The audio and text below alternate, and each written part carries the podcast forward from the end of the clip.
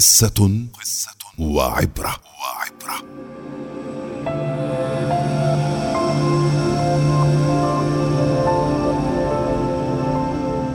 يحكى أن أيلا ضخما سمع صوت استغاثة يدوي في الغابة.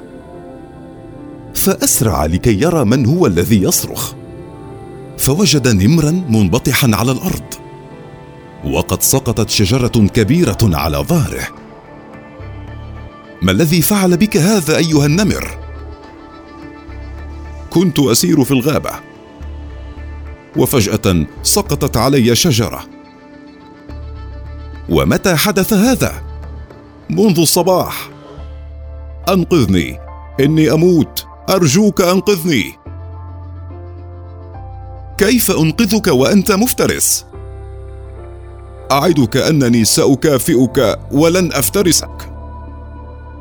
إني أعلم وعود النمور الكاذبة. ألح النمر عليه وأكد أنه سيكافئه ولن يؤذيه. أخذ الأيل يدحرش الشجرة حتى خلص النمر من تحتها. وما إن صار طليقا تطلع النمر بنظرات قاسية نحو الأيل واستعد ليثب عليه ويفترسه.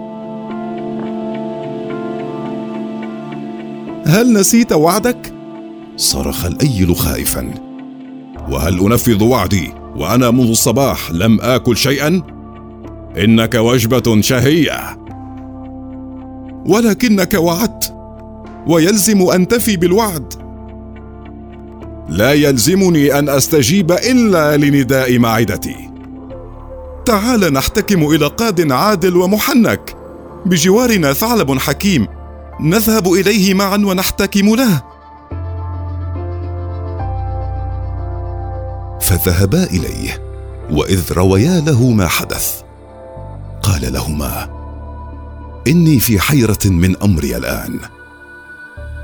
ولكي أكون عادلا في حكمي هلما معي إلى الموقع لأرى بنفسي ما حدث. عندئذ أستطيع أن أقدم حكما صائبا. أخذ الثعلب النمر والأيل وعادوا إلى الموقع. انبطح النمر على الأرض ودحرج الأيل الشجرة عليه. وصار النمر يصرخ ويستغيث. فطلب الثعلب من الأيل أن يقوم بدوره كما فعل قبلا. عندئذ قال الأيل الآن وقد عاد الحال إلى ما كان عليه. وعرفت أن النمر لا يفي بوعوده. ابحثوا عن غيري ليزيح الشجرة.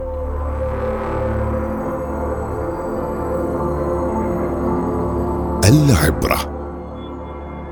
مهما عظم شأن الإنسان وكبر إن لم يلتزم قسمه فقد مصداقيته.